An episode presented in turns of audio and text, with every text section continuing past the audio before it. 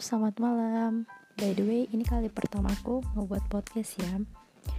Dan sedikit cerita, aku tipe orang yang introvert, nggak gampang bergaul, nggak gampang percayaan sama orang. Tapi sekali percaya, asli apa pun itu bakalan aku ceritain ke orang yang benar-benar aku percaya banget. Dan sekali ketemu sama orang yang benar-benar cocok dan benar-benar pas, langsung nyaman dan ya sama itu itu aja.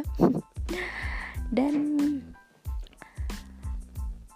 kalau soal pertemanan asli lingkungan pertemanan aku tuh sempit banget tapi berkualitas. So selamat mendengarkan podcastku dan selamat malam